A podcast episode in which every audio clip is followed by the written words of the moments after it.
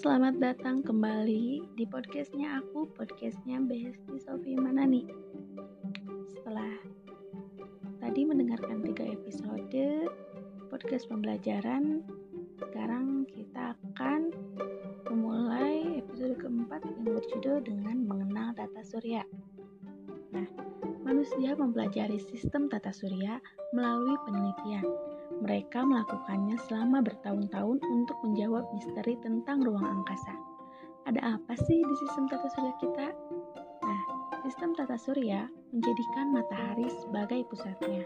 Matahari adalah sebuah bintang raksasa yang sangat panas. Di sekelilingnya ada lingkar cahaya berisi gas panas yang disebut dengan korona. Suhu di permukaannya hampir 6000 derajat Celcius suhu inti matahari mencapai 15 juta derajat Celcius. Namun, matahari hanya tergolong bintang sedang. Masih banyak bintang besar yang jauh lebih besar dan lebih panas dari matahari. Lalu selanjutnya ada planet Merkurius.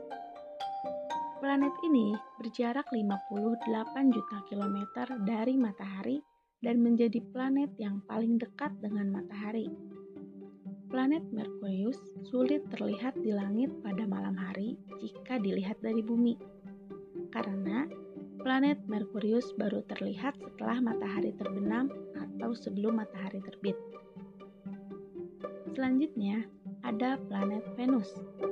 Planet Venus merupakan planet yang terdekat dari bumi. Planet ini lebih panas dibanding dengan Merkurius yang lebih dekat dengan matahari. Hal ini terjadi karena planet Venus memiliki lapisan atmosfer tebal yang dilapisi awan. Awan yang mengelilingi Venus menjadi salah satu keunikan planet ini. Awan tersebut terlihat indah karena memantulkan cahaya matahari. Planet ketiga adalah planet Bumi yang disebut sebagai planet biru. Planet ini tempat di mana kita tinggal Sebagian besar bumi ditutupi oleh lautan, sehingga nampak biru dan disebut planet biru. Bumi diselimuti oleh udara tebal yang disebut dengan atmosfer. Fungsi dari atmosfer untuk menyaring panas dari matahari sehingga tidak terbakar. Lalu selanjutnya ada planet Mars. Planet Mars dijuluki sebagai planet merah.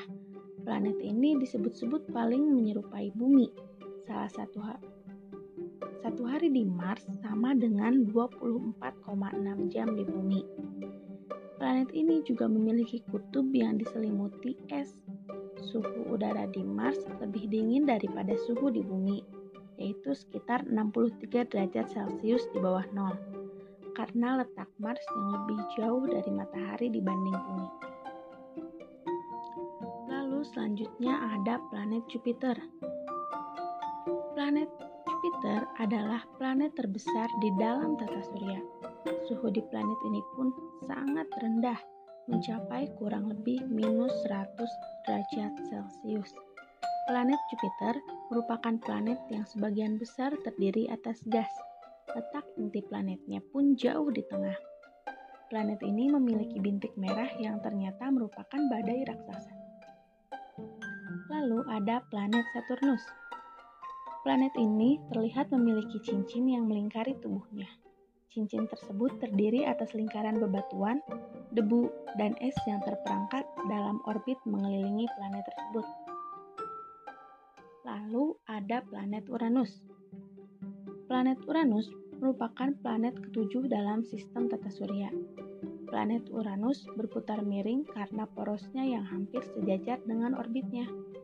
Suhu planet ini sangat dingin, yaitu sekitar minus 212 derajat Celcius.